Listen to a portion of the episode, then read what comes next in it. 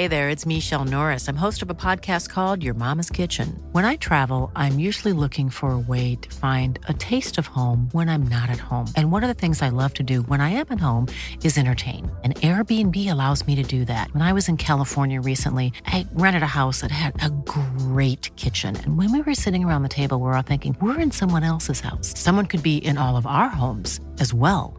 If you have a home, but you're not always at home, you have an Airbnb. Your home might be worth more than you think. Find out how much at airbnb.com/slash host. A lot can happen in the next three years. Like a chatbot may be your new best friend. But what won't change? Needing health insurance. United Healthcare Tri Term Medical Plans are available for these changing times. Underwritten by Golden Rule Insurance Company, they offer budget friendly, flexible coverage for people who are in between jobs or missed open enrollment. The plans last nearly three years in some states, with access to a nationwide network of doctors and hospitals. So, for whatever tomorrow brings, United Healthcare Tri Term Medical Plans may be for you. Learn more at uh1.com. Hey, it's Ryan Reynolds, and I'm here with Keith, co star of my upcoming film, If, only in theaters, May 17th. Do you want to tell people the big news? All right, I'll do it. Sign up now and you'll get unlimited for $15 a month in six months of Paramount Plus Essential Plan on us. Mintmobile.com slash switch. Upfront payment of $45 equivalent to $15 per month. Unlimited over 40 gigabytes per month. Face lower speeds. Videos at 480p. Active Mint customers by 531.24 get six months of Paramount Plus Essential Plan. Auto renews after six months. Offer ends May 31st, 2024. Separate Paramount Plus registration required. Terms and conditions apply if rated PG.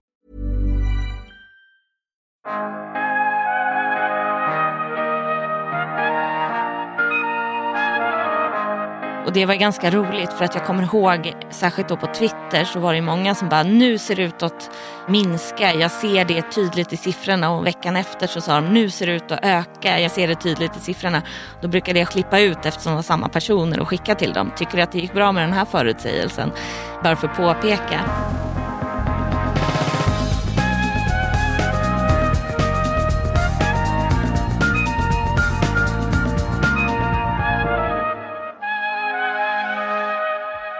Hej och välkomna! Veckans gäst i podden är vetenskapsjournalisten Amina Mansour. Själv heter jag Per Danielsson.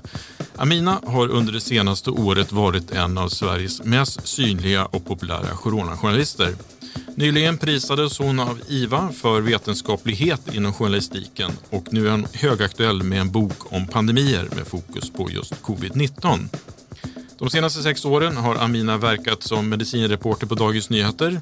Men hon värvades snabbt av Expressen när hon kände att hon inte kunde jobba kvar på DN på grund av interna orsaker. Vi kommer att prata med Amina om hur det är att vara vetenskapsjournalist i en tid där åsikter snabbt blir fakta i den sociala debatten. Om hur det är att förflytta sig från Dagens Medicins publik där hon jobbade för tio år sedan med främst experter som läsare då till en bredare läsargrupp som DN och Expressen har. Om hanteringen av informationskällor, studier och expertutlåtanden i en tid där alla och ingen har fullständiga svar. Om utmaningarna att berätta, förklara och förenkla komplicerade och komplex information från forskare för vanligt folk. Vi kommer också prata kurvor, statistik, dödstal och Amina ger sin syn på den svenska strategin. Vi pratar också munskyddskrav och lockdowns. Men även vilka ämnen hon ser fram emot att rapportera när pandemirapporteringen klingar av. Hej och välkommen till podden Allt du behöver veta om ny teknik, Amina. Tack så mycket. Jag tänkte att vi går direkt på det här priset som du tilldelades nyligen, det vill säga Ingenjörsvetenskapsakademins pris då för vetenskaplighet inom journalistiken. Förutom äran så får du också 100 000 kronor in på kontot ehm, och IVA skriver i sin motivering då citat Amina Mansour belönas för sin starka och konsekventa journalistiska gärning i en kaotisk tid av en pandemi. Slutcitat. Vad tänkte du när du fick reda på att du skulle bli årets pristagare? Eh, jag blev, dels blev jag jätteglad och lite chockad för jag tycker ju att det har varit jättemånga vetenskapsjournalister i år som har gjort ett otroligt jobb och som har verkligen steppat upp under den här pandemin och liksom informerat, berättat, förklarat, granskat och värderat studier. Så att jag känner mig ju självklart jätte, jätteglad för att jag var den som de valde. Men, men jag kände också att det fanns väldigt många starka kandidater i år. Vad kommer du göra med pengarna? Alltså, jag har funderat lite på det här men när vi alla är vaccinerade och när det känns som att restriktionerna är tillräckligt släppta så vill jag ha en större middag för mina vänner. Eh, jag skulle gärna vilja ha en stor fest men det känns inte riktigt som läge än så länge om vi säger så. N när tror du att det är läge för en stor fest då?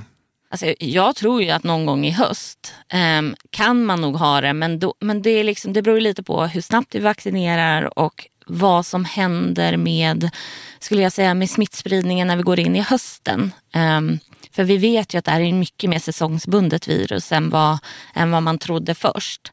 Så att det beror nog på ja, men vad händer med varianterna, vad händer med eh, smittspridningen har vi grupper som inte är vaccinerade och hur långvarigt är skyddet? Mm. Du var ju en av de första som började skriva om eh, coronaviruset och eh, jag tror att om jag har allting rätt här så den, först, den 11 januari så publicerade du din första artikel utav ett 70-tal då och då handlade det om att nu hade sjukdomen krävt sitt första offentliga offer, en kinesisk 61-årig man. Eh, minns du vad du tänkte när du skrev och publicerade den här nyheten?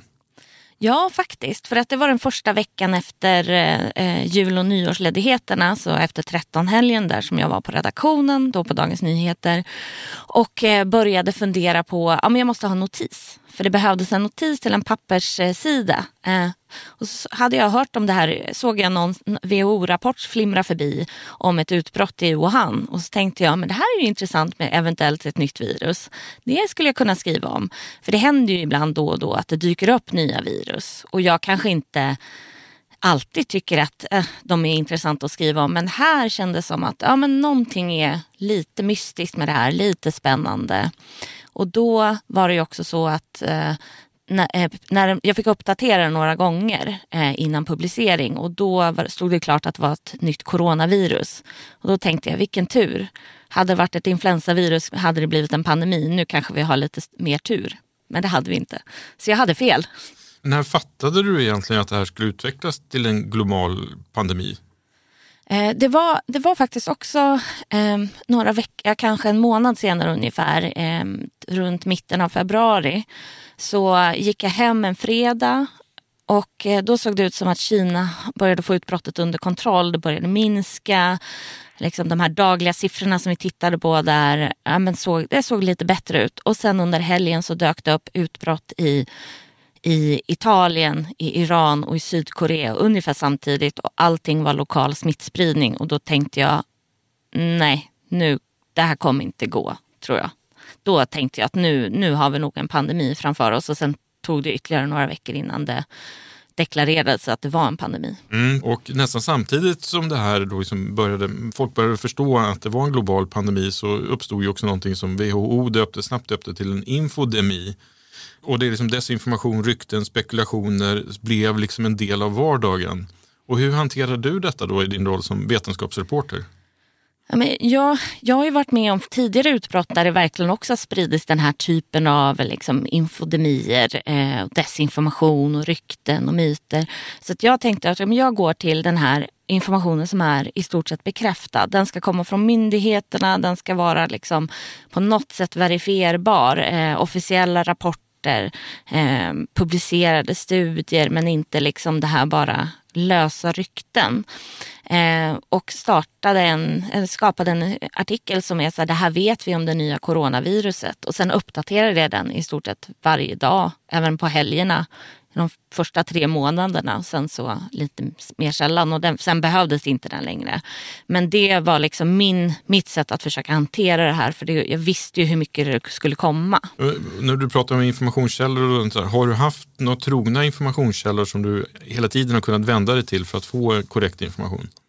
Alltså jag lyssnade jättemycket på WHOs presskonferenser i början. Eh, för WHO är ändå de som sitter med väldigt mycket information. De har information från, de har ju experter i hela världen, de har experter på plats.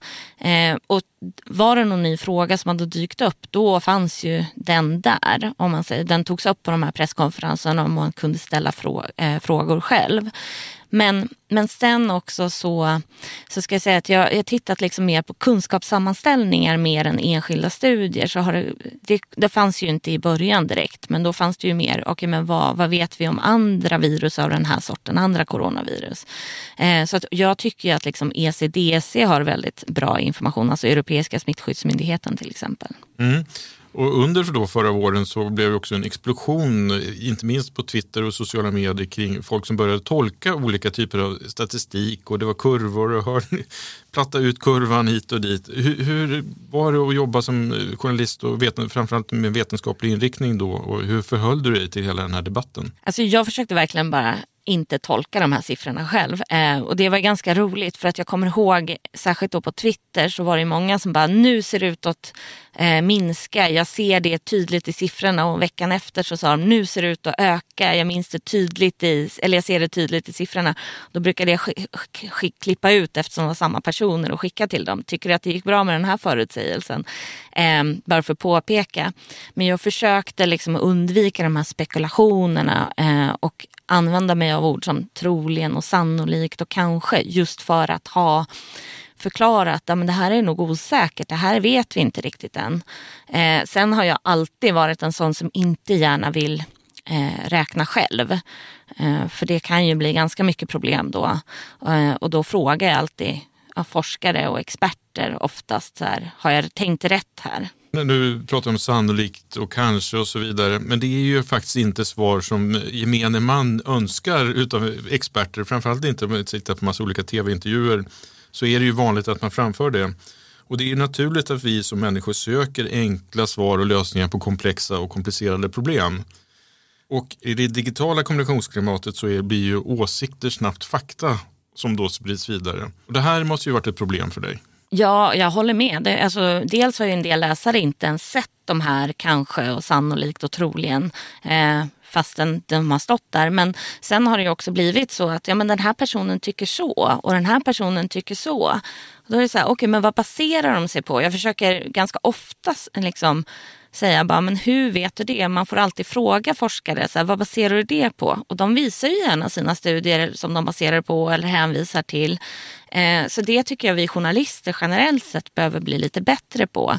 För det har ju jag, ja men i, på redaktionen så kan det ha varit någon gång att någon säger, men du säger emot den här professorn. Ja men den här professorn, vad har den för belägg för det här? Jag har de här och de här beläggen. Det betyder ju inte att att eh, man kan ju tolka saker olika, det kan man ju. Men, men det har varit problematiskt eh, just för att det har varit så mycket starka åsikter. Ja, en annan problematik har också varit att det varit så många professorer och experter som har uttalat sig inom, eller om områden som de själva inte är experter inom men på något sätt har fått en auktoritet ändå tack vare sin profession. Ja, men det, ju, det, finns ju en väldigt stor auktoritetstro i eh, samhället och bland journalister. Och det är väl positivt att man liksom litar på mycket på forskare. Eh, så att ha någon professor efter sitt eh, som titel.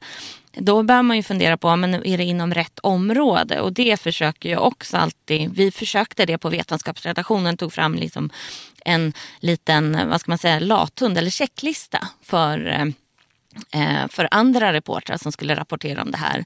Där är bland annat är, är se till att du söker rätt expert. Eh, professorer uttalar sig gärna utanför sina expertområden. Och det är klart att de kan ha rätt men de kanske inte har lika mycket auktoritet där så att dubbelkolla det.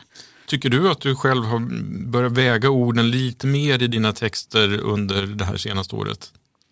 Ja absolut. Eh, jag tror att jag var lite mer hård i början kanske för att jag tyckte också att det fanns ju saker, alltså jag har blivit mycket mer ödmjuk hoppas jag i alla fall. Eh, man brukar ju kanske inte vara ödmjuk om man säger det om sig själv men, men jag försöker vara mer eh, nyanserad, jag försöker tänka att ja, men, tittar jag på verkligen på hela bilden nu, får jag hela bilden, jag kanske behöver väga in de här, det finns olika perspektiv. Jag kanske ska lägga in det här perspektivet också som en möjlig förklaring här eller att värt att ta upp åtminstone. Och det har jag också gjort kanske lite för att få folk att förstå hur komplext det här är. Att det inte finns några enkla svar alltid. Men det blir också, kan också bli risken då blir ju att man som läsare tar sig igenom en text och har egentligen inte fått något svar på det man egentligen ville ha svar på. För att det finns så mycket if and buts i hela tiden. Jo, absolut. Och det är, lite så är det ju. Men det är ju inte alltid säkra svar man kan ge. Men jag försöker också värdera varför tycker jag att den här informationen är viktigare än någon annan. Eh, varför ger jag mer tyngd åt det här argumentet? Och då, då försöker man förklara att just den här typen av studier har mer tyngd. För det beror ju på också att det finns ju massa studier kanske på, med låg evidens och sen så kommer man högre upp i, jag pratar ganska mycket om tiden. men just att ju starkare eller ju, ju mer välgjorda studier och med större tyngd, ja, men då kan man säga saker med mer säkerhet och ibland har vi inte haft det under den här pandemin. Det som har varit eh, slående med den här pandemin är ju att eh, många, alltså ni som professionella då, vetenskapsjournalister har ju då ni har varit tvungna att vara liksom neutrala i er rapportering men samtidigt har ni levt i den här pandemin i ert privatliv också. Hur har den balansen fungerat för dig tycker du? Alltså ganska bra tycker jag ändå för att jag, jag är ju otroligt intresserad av det här ämnet. Så jag vet ju att det finns personer som kanske varit rädda och jag, jag, tror ju att för mig så har jag varit mer intresserad än rädd. Eh, däremot så, jag är ju också hela tiden, om jag skriver de rekommendationerna, ja, men då ska jag följa dem också. Jag kan inte bete mig på något sätt som inte jag skulle kunna stå för. Så att i somras till exempel så valde jag att inte lämna Stockholm på semestern för att jag vill inte, kände inte att jag kunde gå frotteras på en eh, trång Smögenbrygga eller liknande. Eh, men, men, men det är ju svårt för att man, man har ju sina egna intressen och eh, man är orolig för saker och funderar på saker. Men jag har försökt att separera det lite också. Kan man säga då att den här coronabevakningen har tagit över ditt liv eh, senaste året?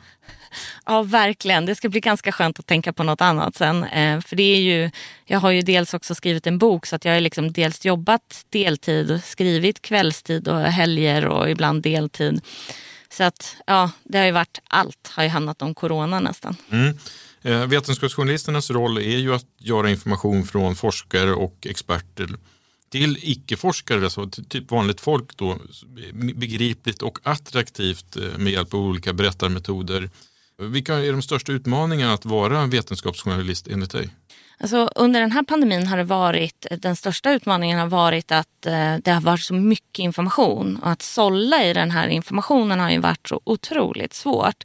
För det har ju varit ett extremt högt tempo. Och sen så har det kommit kanske då 20 nya studier på en dag nästan ibland. Så att man, man måste liksom man måste välja vad man ska nästan berätta och att hitta liksom hela bilden. Jag tycker ju att vi som vetenskapsjournalister ska försöka fokusera på ja, men, kunskapsläget kanske mer än enskilda studier. I alla fall i, i vissa tillfällen. Eh, och att man hela tiden behöver sätta saker i sin kontext. Mm. Och det har varit eh, utmanande men också, jag har lärt mig massor. Ja, du är en erfaren vetenskapsjournalist som har jobbat i drygt tio år som medicinreporter. Eh, vilka fallgropar var du har klivit i tidigare som du lyckats undvika nu då?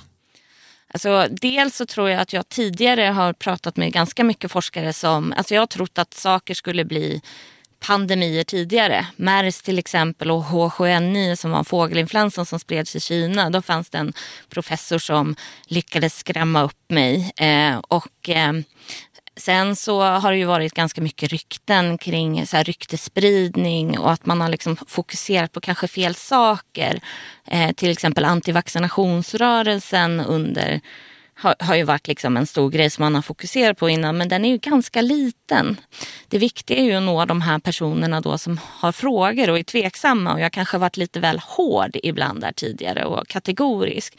Nu tycker jag att jag blivit liksom mycket mer öppen till att ja men det är klart att ni har frågor, ni ska få svar på era frågor. Eh, och att man måste också berätta om saker som misstänkta biverkningar men att det då handlar om just balans och kontext hela tiden. Du startade din karriär som journalist 2004 om jag har läst på rätt här. Eh, du började sen då för tio år sedan på Läkemedelsvärlden som följdes av en tid på Dagens Medicin och sen tog du klivet över till Dagens Nyheter. Det är ju en tidning som du lämnade lite under rätt uppmärksammade former nyligen. Eh, I alla fall internt bland mediafolk. Eh, övriga yeah. kanske inte bryr sig så mycket. Men Expressen var snabbast fram och erbjuder, antar jag, en bra lön och bra villkor. Eh, så där är du nu. Eh, men innan vi pratar mer om det här avhoppet från DN och dina förväntningar på Expressen tänkte jag eh, fråga dig hur liksom, du gick från nischtidning Dagens Medicin till en otrolig, Sveriges största breda tidning, kanske Dagens Nyheter. Hur har det förändrat det, ditt sätt att berätta om eh, vetenskap? Absolut. I början så, jag skrev, när man skriver för special Eh, alltså för människor som kan saker, som har ett spe eh, specialområde, då, då, måste man ju också prata på deras språk. Man kan använda sig av ganska svåra ord. Jag tycker att jag har blivit en bättre journalist nu för att jag måste förklara mycket mer. Eh, men jag har oftast ungefär lika stort utrymme så att jag måste liksom vara mycket mer rakt på. Men det här med kontext tror inte jag använde lika mycket förut utan det lärde jag mig, har jag lärt mig med tiden och det har jag fått hjälp av. Ja, men jag har haft väldigt många duktiga duktiga kollegor som har hjälpt mig genom åren. Men, men jag skulle absolut säga att eh, det är ju annorlunda att skriva för allmänheten. Eh, för precis när jag började på Dagens Nyheter för sex år sedan då, så, så var det en kollega som sa till mig, äh, men jag tror inte att människor vet vad kronisk sjukdom är, du måste nog förklara det. Och det var ganska nytt för mig, så det är någonting jag hela tiden utforskar och det måste jag ju bli ännu bättre på nu på Expressen. Det, det, liksom, det är ju ännu, vad ska man säga, mer rakt språk tror jag. Ja, det är det ju. Och det som breda medier som DN och Expressen är ju, de är ju faktiskt väldigt duktiga på att berätta om den faktiska händelsen och känslorna som det här upprör runt omkring. Man kanske inte den själva den stora överblicken. Ehm, tror du att du kan få, arbeta med den typen av eh, reportage på Expressen? Jo, men jag tror det. Och det var ju också en av eh, sakerna som de erbjöd mig eh, och sa att varför de var intresserade av att eh, jag skulle arbeta där var just att de vill lära sig av mig. De vill bli bättre på det här. De vill ha en mer folkbildande roll. Sen, jag menar, jag är ju en person och jag jobbar ju liksom heltid förvisso, men jag jobbar ju, jag är en person. Ehm, men jag räknar ju med att mina artiklar de ska vara det här, precis som jag har haft, det här folkbildande, den här kontexten, det här sammanhanget och inte kanske lika mycket känslor. För det är inte jag särskilt bra på, de här känsloartiklarna. Det finns det andra som är mycket bättre på. Jag vill däremot ge folk fakta så att de kan värdera. Jag vill ge dem verktygen för att förstå den här faktan också. Hans Rosling sa ju när han var i livet att man kan inte enbart använda medierna om man ska förstå världen. Eh, utan att man måste ta in information mycket, mycket bredare för att få en världsbild som kanske stämmer överens då med verkligheten. Men vi människor har en tendens att vi läser väldigt mycket medier som sedan kommenteras i sociala medier, vilket betyder att vi, vi, vi tar inte oss tid att få in tillräckligt mycket information. Och då blir det ju egentligen en uppgift för dig som reporter att se till att du får in tillräckligt mycket bredd och djup i dina reportage, eller hur? Ja, men precis. Och det är där jag tycker liksom det här, ja, men vad, det här nya studien eller den här uppgifterna, ja, men vad kommer de in? För de kommer ju inte i ett vakuum utan det finns ju någonting som har hänt innan. Vad händer i samhället? Vad, eh, när den här myndigheten säger på det här sättet, betyder det, är det bara fakta och vetenskap eller är det att man värderar utifrån kultur eller diplomati ibland som eh, WHO har hållit på med att man måste ha det där lagret. Eh, och det, det är ju svårt och för det gäller ju att man hela tiden har lite koll på vad som händer. Så att, eh, men, men det är också det som gör artiklarna och reportagen bättre tycker jag. Genom att intervjua massa forskare och experter så blir man ju rätt duktig själv till slut. Man lär sig ju eh, nytt ständigt varje dag. Men vad är det du speciellt har lärt dig av att intervjua den här kategorin av människor? Bra fråga. Jag skulle säga att jag har lärt mig att man måste hela tiden fråga men vad baserar du det på? Varför värderar du den här studien högt?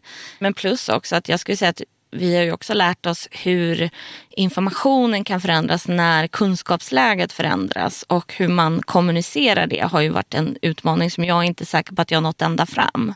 Eh, för det har ju, det, vi har ju helt andra råd nu än vi hade för ett år sedan och det, en del beror ju på att vi vet mer nu, en del beror på förändrade regler och eh, lagar.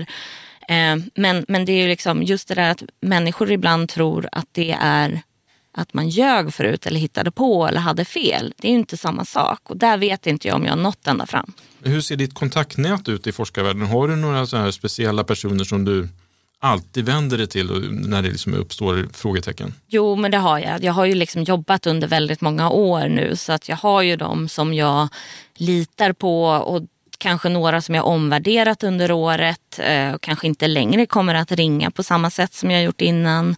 Ehm, och sen har jag fått några nya under året så att man har ju sitt kontaktnät av personer som man känner är de här personerna trovärdiga, de kan hjälpa mig. Men nu har jag också skaffat mig ett ganska bra internationellt kontaktnät.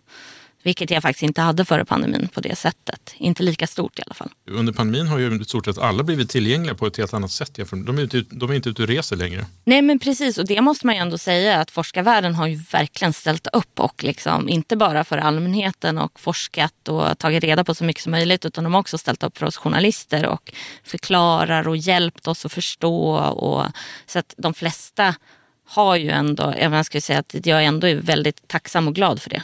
Mm. Det kommer ju ständigt nya studier i massor med olika ämnen och inte minst inom eh, coronarapporteringen och coronastudier. Hur, hur säkerställer du att källan är den korrekta och rätta? Alltså, det är en jättebra fråga. Alltså, jag försöker ju gå till studierna, jag försöker prata med forskare som inte är involverade i studien. Jag försöker, när, när jag ser någon slags information som sprids, så försöker jag kolla, okay, men var kommer den ifrån? Kan jag hitta någonting? Kan jag fråga någon? Eh, men det är inte alltid så lätt. Men om jag känner mig osäker, då, då, då tar inte jag med de uppgifterna. Eh, jag försöker undvika dem då. Eh, eller så är jag väldigt tydlig med hur osäkra de här uppgifterna är och, och hur preliminära.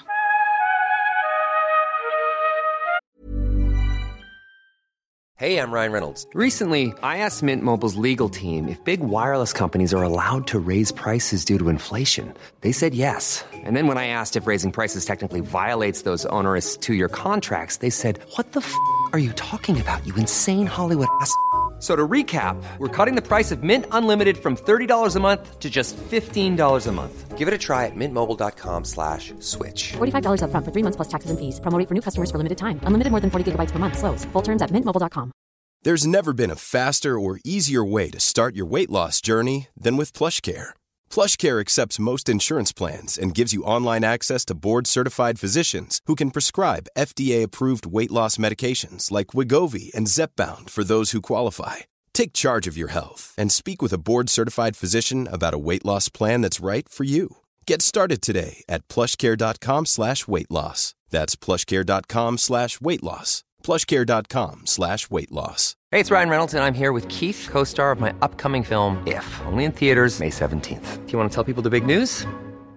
All right, I'll do it. Sign up now and you'll get unlimited for $15 a month in six months of Paramount Plus Essential Plan on us. Mintmobile.com slash switch. Upfront payment of $45 equivalent to $15 per month. Unlimited over 40 gigabytes per month. Face lower speeds. Videos at 480p. Active Mint customers by 531.24 get six months of Paramount Plus Essential Plan. Auto renews after six months. Offer ends May 31st, 2024. Separate Paramount Plus registration required. Terms and conditions apply if rated PG. Hiring for your small business? If you're not looking for professionals on LinkedIn, you're looking in the wrong place. That's like looking for your car keys in a fish tank. LinkedIn helps you hire professionals you can't find anywhere else, even those who aren't actively searching for a new job but might be open to the perfect role. In a given month, over 70% of LinkedIn users don't even visit other leading job sites. So start looking in the right place. With LinkedIn, you can hire professionals like a professional. Post your free job on linkedin.com slash people today. Hey, Dave. Yeah, Randy. Since we founded Bombus, we've always said our socks, underwear, and T-shirts are super soft. Any new ideas? Maybe sublimely soft. Or disgustingly cozy. Wait, what? I got it. Bombus. Absurdly comfortable essentials for yourself and for those facing homelessness. Because one purchased equals one donated. Wow, did we just write an ad? Yes. Bombas. Big comfort for everyone. Go to bombas.com slash ACAST and use code ACAST for 20% off your first purchase.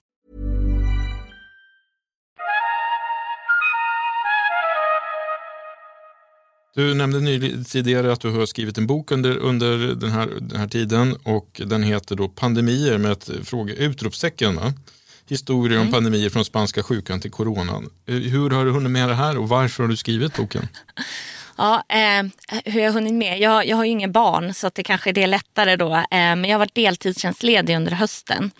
Eh, och sen så har jag, man har inte gjort så mycket annat så det har varit ganska bra skrivår kan vi konstatera. Plus att jag har kunnat basera mycket av mitt skrivande på det jag lärt mig under min, när jag rapporterat.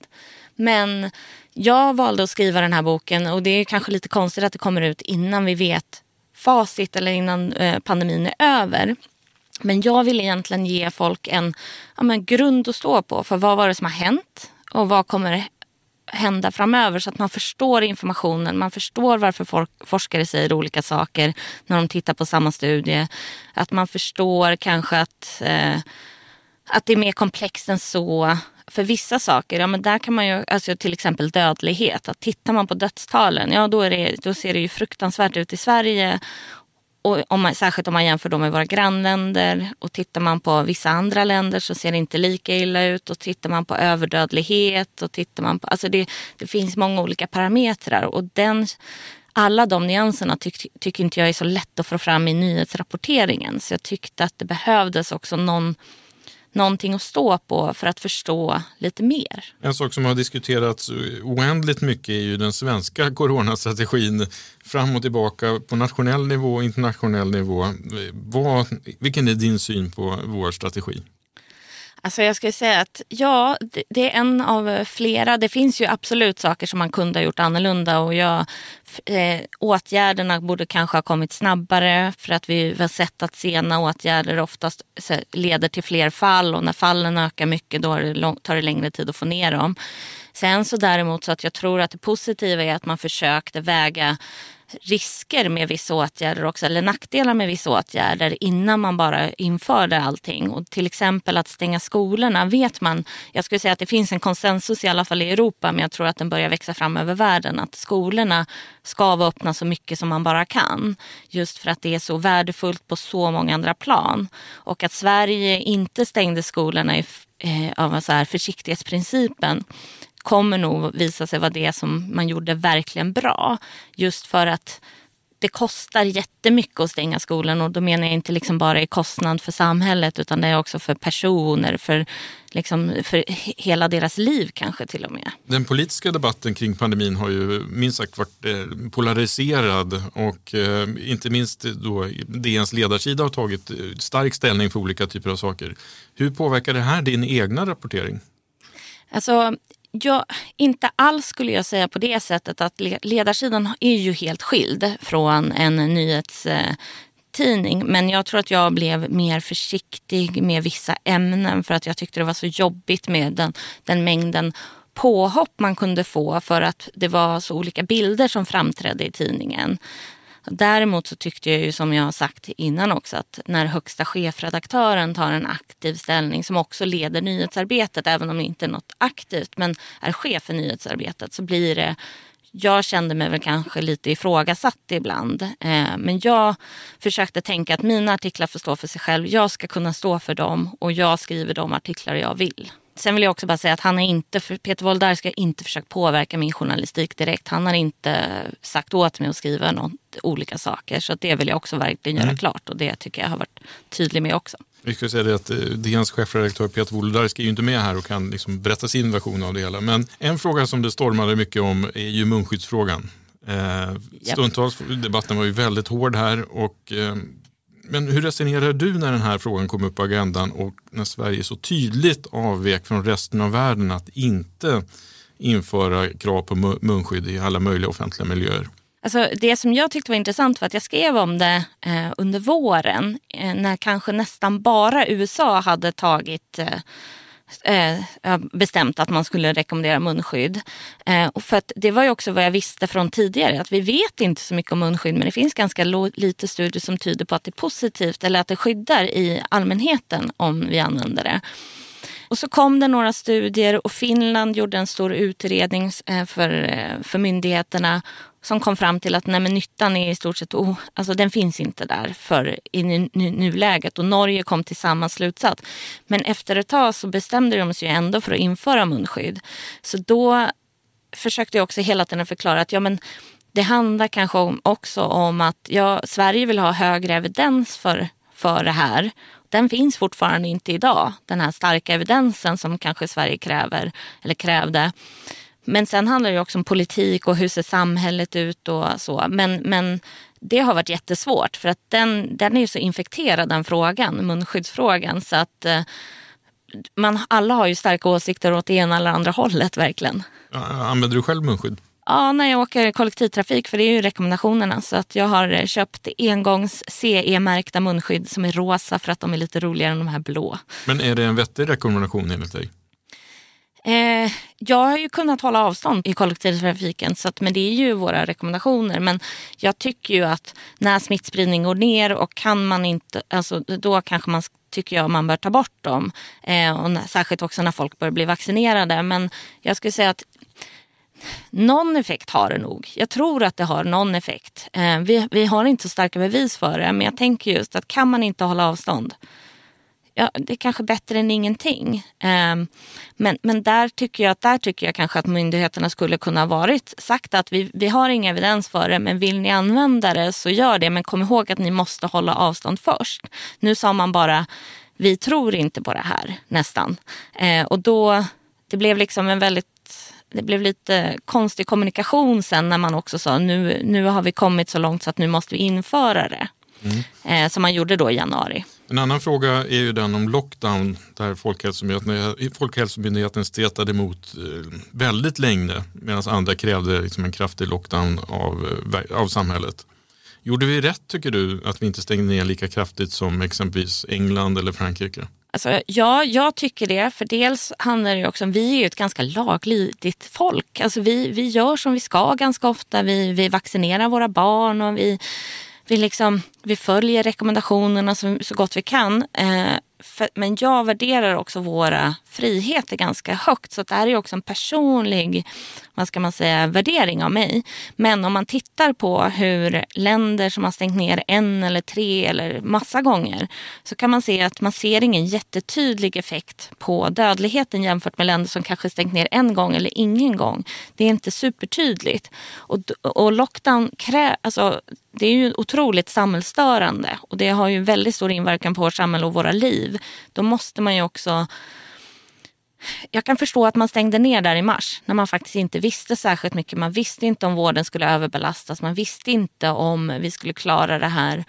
Så att, men, men att göra det nu när man har vaccin, när man liksom, eh, det blir svårt för det, man kan alltid ta till med hårdare verktyg verkar det som.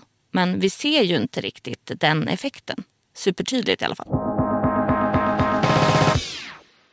Nu tänkte jag faktiskt att vi skulle lämna pandemin ett tag. För nu när du har levt med corona och rapporterat om det i ett år så måste ju annan vetenskapsrapportering ha fått stå åt sidan. Så om man tittar framåt, vad är det, finns det ämnen och sånt där som du vill hugga tag i? Alltså jag tycker ju kost och hälsa är otroligt intressant. Eh, och eh, jag tror ju också, särskilt också att alla har ju väldigt starka åsikter även om det ämnet om vi säger så. Det är också ett ämne som kan leda till en del hatmejl.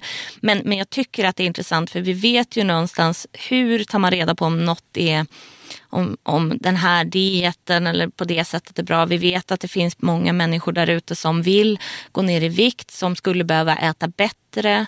Ehm, så den skulle jag gärna vilja göra. Men sen tror jag också att vi har pratat ganska mycket om folkhälsa under året och ojämlika, alltså ojämlik hälsa. Så det tror jag kommer bli någonting som seglar upp ganska mycket så här efter pandemin. Du nämnde ordet hatmejl. Kan du berätta lite om hur, hur det ser ut i din mejlinbox? Ja, nu har jag tack och lov bytt. Eh, så att, men, men det handlar mer om att man är en dålig person. Att man är, jag har fått höra att jag är delansvarig till att eh, svenskar har dött eftersom jag inte rekommenderade munskydd där i somras. Eh, man får höra om att eh, eh, man är köpt av myndigheterna. Den har jag fått höra så många gånger så att det är liksom under alla år och det är väldigt många olika myndigheter. Men, men de får man höra och sen just den här du kan ingenting Eh, men ibland är det ju också den här, varför har du inte med den här studien? Eh, och den här, varför säger du inte att pandemin är över? Eh, åt andra hållet också. Så att man hamnar ju, man får väldigt mycket mycket mejl och märkliga mejl också. Och nu, nu har du börjat på Expressen som profilerad vetenskapsreporter och Expressen har uttalat att de ska satsa ännu mer på det här. Vad, vad ser du framför dig att din roll blir och vad, vad kommer du berätta för läsarna? Just den här att förklara vad, i vilket sammanhang den här studien, den här informationen, den här rapporten kommer in. att hjälpa dem att förstå, navigera det här bruset som verkligen är. Det är ju mycket som händer. Eh, vi testar ju hel, fortfarande hur mycket som helst. Alla länder testar olika. Att man förstår liksom att det kanske finns nyanser ibland. Att det inte finns de här superenkla, tydliga svaren. Det hoppas jag och tror eh, och det har jag också fått väldigt bra respons av mina chefer på.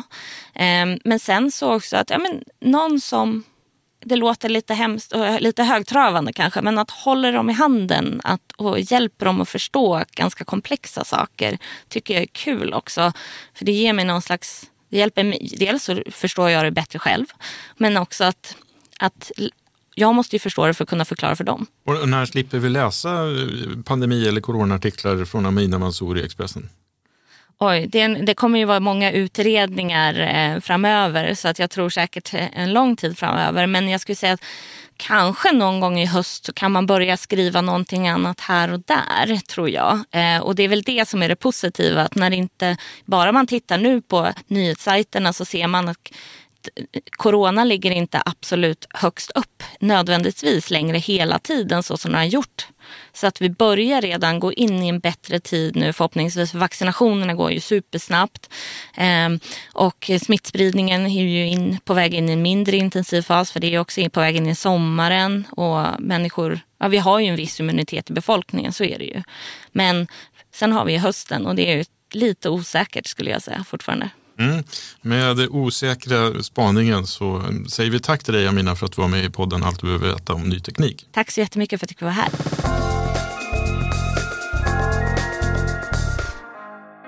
Ja, det där var Amina Mansour och vi tackar för hennes medverkan i veckans avsnitt av podden. Och som vanligt så uppmanar jag alla att klicka på prenumerera. Om du inte redan har gjort det, då missar du inget avsnitt. Har du tips och idéer på vad vi ska ta upp, eh, gärna under sommarveckorna, så mejla till redaktionen nyteknik.se. Vi hörs nästa vecka. Hej då!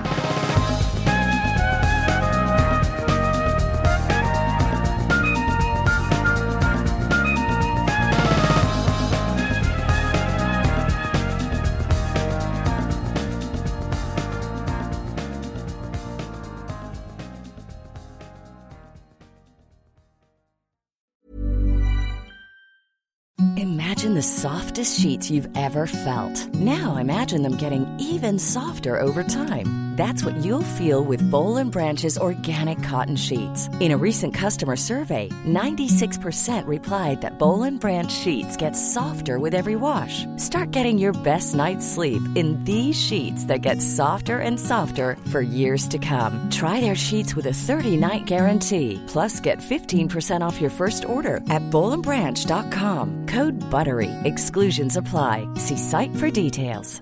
Hi, I'm Daniel, founder of Pretty Litter. Did you know cats tend to hide symptoms of sickness and pain? I learned this the hard way after losing my cat, Gingy. So I created Pretty Litter, a health monitoring litter that helps detect early signs of illness by changing colors, saving you money and potentially your cat's life. Pretty Litter is veterinarian developed, and it's the easiest way to keep tabs on your fur baby's health right at home. Go to prettylitter.com and use code ACAST for 20% off your first order and a free cat toy. Terms and conditions apply. See site for details. Even when we're on a budget, we still deserve nice things.